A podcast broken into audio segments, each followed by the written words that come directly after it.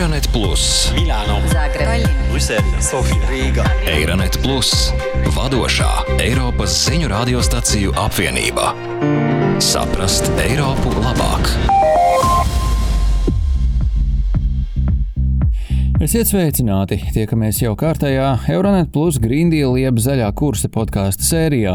Šajā podkāstā kopā ar kolēģiem no Eiropas aplūkojam to, kā mēs, Eiropieši, varam ietekmēt tā dēvēto zaļo pāreju, ko Eiropas Savienība ir uzsākusi. Šoreiz runāsim par ūdens lietošanu.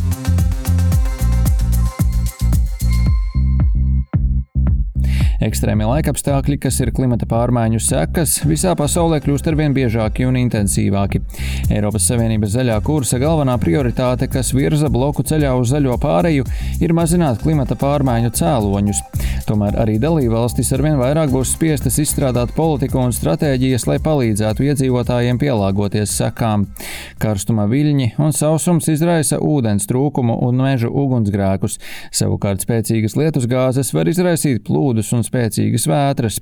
Abām galējībām ir postoša ekonomiska, sociāla un pat psiholoģiska ietekme uz skartajiem reģioniem.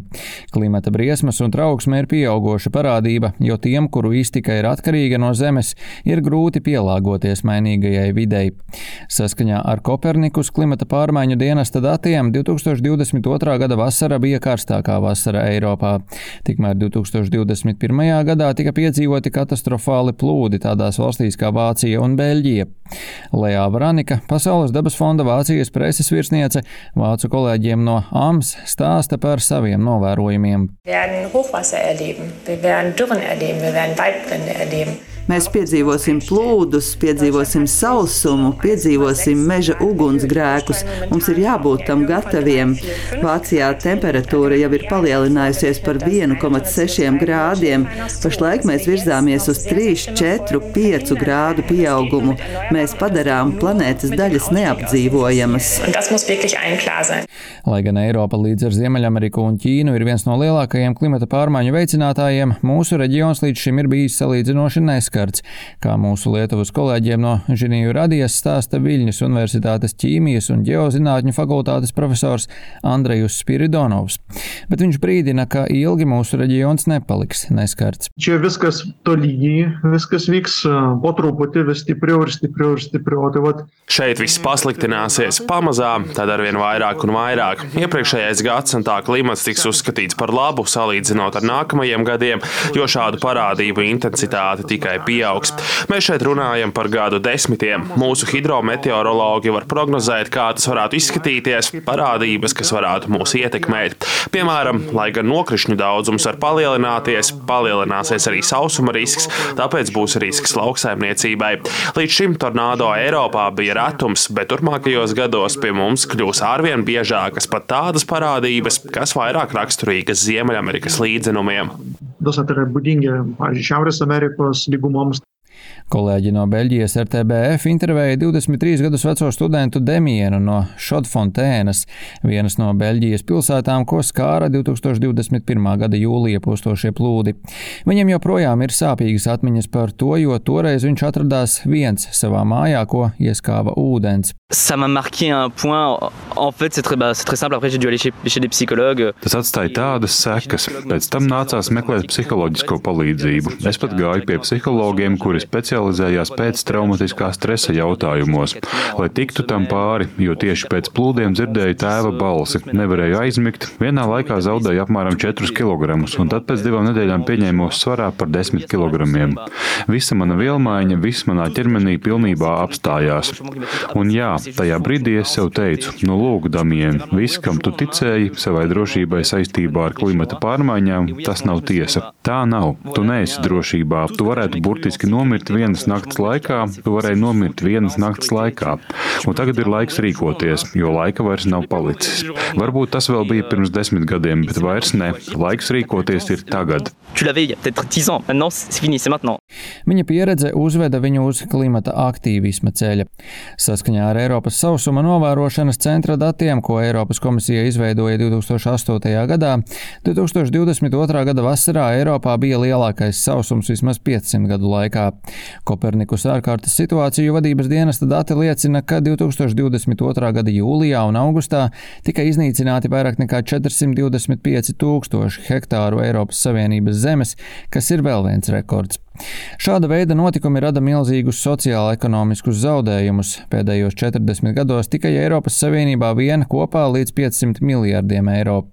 Sausums un ūdens trūkums, ko pastiprina konkurence starp lauksēmniecību, rūpniecību un citām nozarēm, arī padziļina sociālo demografisko plaisu. Itālijā un Portugālē aptuveni 60% no ūdens patēriņa ir saistīti ar lauksēmniecību. Šis rādītājs pieaug līdz 72% Spānijā un līdz 80% Grieķijā. Pat ar tik lielu ūdens patēriņu bloka lauksēmnieki un ne tikai vidusjūras reģiona lauksēmnieki jau cīnās ar neauglīgām augsnēm. Šīs augsnes mazāk efektīvi uzglabā, drenē un filtrē ūdeni, ātrāk erodējas, satur mazāk organisko vielu un ražo zemākas kvalitātes ražas. Tāpēc lauksaimniekiem vairāk nekā jebkad agrāk ir jāpārdomā ūdens izmantošanas veids. Mikroapūdeņošana un pilienveida apūdeņošana ir vienas no efektīvākajām kultūra augu laistīšanas metodēm, sasniedzot aptuveni 90% efektivitāti. Pat labākās izsmidzinātāju sistēmas iztērē apmēram 20 līdz 30% no izmantotā ūdens, savukārt daudzas citas populāras apūdeņošanas sistēmas ir daudz mazāk efektīvas nekā šī.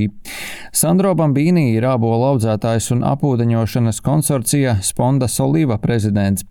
Tas dibināts 70. gados.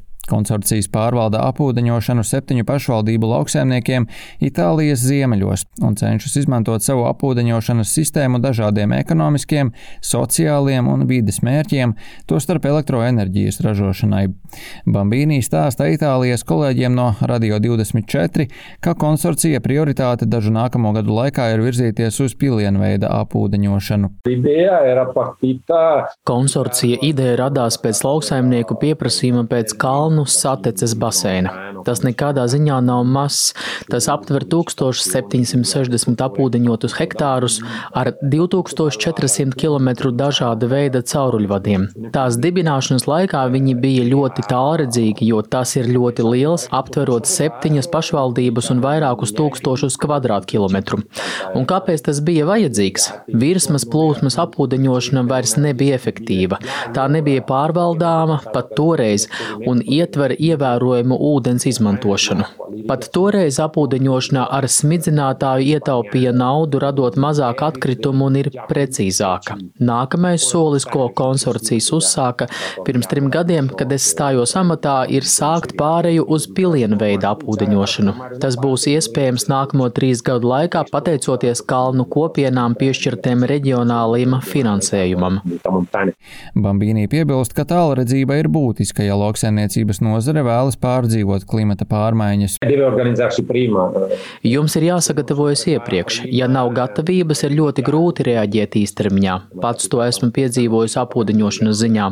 Bija pārāk grūti pārveidot mūsu sistēmu, jo tas prasa ieguldījumus un laiku. Ja runa ir par krusas vētrām, tad, ja esat iepriekš uzstādījis tīklus, varat atrisināt problēmu. Pretējā gadījumā jūs nevarat.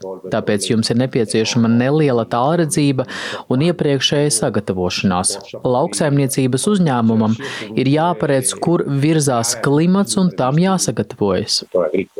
Ir nepieciešama arī labāka valsts ūdens resursu pārvaldība. Tas, ko ļoti labi apzinās, piemēram, Polija, strādājot, lai palielinātu savas ūdens krātuves. Valsts infrastruktūras ministrs Mareks Grobārčiks to norādīja mūsu polijas kolēģiem Polskijā radio. System, który chcemy zbudować, musi funkcjonować w sposób komplementarny. Sistēmai, kuru mēs ceram izveidot, ir jāfunkcionē papildinoši un jānodrošina jebkura iespēja. Tā ir programma Polijā uzkrātā ūdens daudzuma palielināšanai no pašreizējiem 7% līdz 15%. Tātad visa investīciju pakete ir saistīta ar lielu un mazu ūdenskrātuvi izbūvi, kā arī lauksaimniecības uzlabojumiem ielai un kanālu meliorācijas ziņā. Mums šīs investīcijas jāievieš nākamgad, kas liecina, ka tās ir prioritāras investīcijas. Visu projektu plānots pabeigt 2027. gadā. Kopējās izmaksas ir 10 miljardi polijas zlotu. Protams, mums ir jāatbilst visiem nepieciešamajiem kritērijiem, jo īpaši tiem, kas saistīti ar ziņojumiem par ietekmi uz vidi. Taču bloka ūdens resursiem nepieciešama labāka koordinācija arī Eiropas Savienības līmenī. Jā, sausums un ūdens trūkums Eiropas Savienības klimata pārmaiņu pielāgošanās stratēģijā ir ļoti nozīmīgs elements, koncentrējoties uz sistēmisku pārmaiņu ieviešanu un uz dabu balstītu risinājumu veicināšanu ar klimata saistītās ietekmes novēršanai. Ir arī Eiropas sausuma novērošanas centra noturības un pielāgošanās projekts, lai uzlabotu sausuma riska novērtējumu, apkopotu datus par ietekmi uz dažādām nozarēm un veicinātu sausuma novērošanas centru izveidi un saziņu starp dalībvalstīm. Tomēr, neskatoties uz ievērojamo sociālo, vidas un ekonomisko kaitējumu, ko pēdējo desmitgažu laikā ir nodarījis sausums, to joprojām uzskata par krīzi, nevis par ilgstošu problēmu, kurai jāatrod ilgtermiņa, ilgspējīgi un sistēmiski ūdens saglabāšanas līdzekļi. Tas prasīs ne tikai visu attiecīgo politiku saskaņošanu, bet arī līdzekļu palielināšanu. Tā intervijā Rumānijas kolēģiem no Radio Romānija sacīja Eiropas parlamenta deputāts no Rumānijas Eigens Tomaks. E o chestiune care ține și de educație. Es vēlos uzsvert divus svarīgus punktus. Pirmā ir pastāvošais tiesiskais regulējums un ko Eiropas Savienība nepārtraukti pilnveido, izmantojot jaunas stratēģijas, pamatojoties uz ekspertu veiktajiem pētījumiem. No otras puses, ir skaidrs, ka šo politiku nevar īstenot bez resursiem. Eiropas Savienība piešķir līdzekļus, lai nodrošinātu ūdens kvalitātes uzturēšanu, bet politiku īsteno dalību valstis. Diemžēl mums nav bijušas administratīvās spējas, lai pēc iespējas labāk izmantotu visas mūsu rīcībā esošās ūdens aizsardzības politikas sviras. Vairākas dalībvalstis nesen ir vērsušās padomē ar lūgumu stingrāk reaģēt uz sausumu. Tās pieprasa atjaunotu pieeju sausuma pārvaldībai Eiropas Savienības līmenī, aptverot visu ciklu no plānošanas un novēršanas līdz īstenošanai.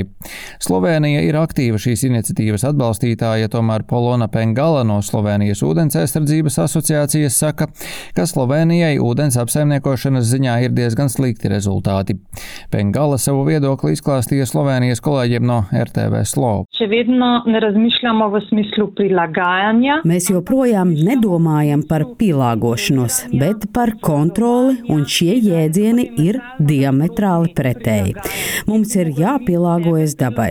Tas ir īpaši acīm redzams, ja runa ir par plūdu kaitīgo seku pārvarēšanu, jo pasākumi ir oficiāli aprakstīti, lai gan patiesībā tie ir pretplūdu pasākumi.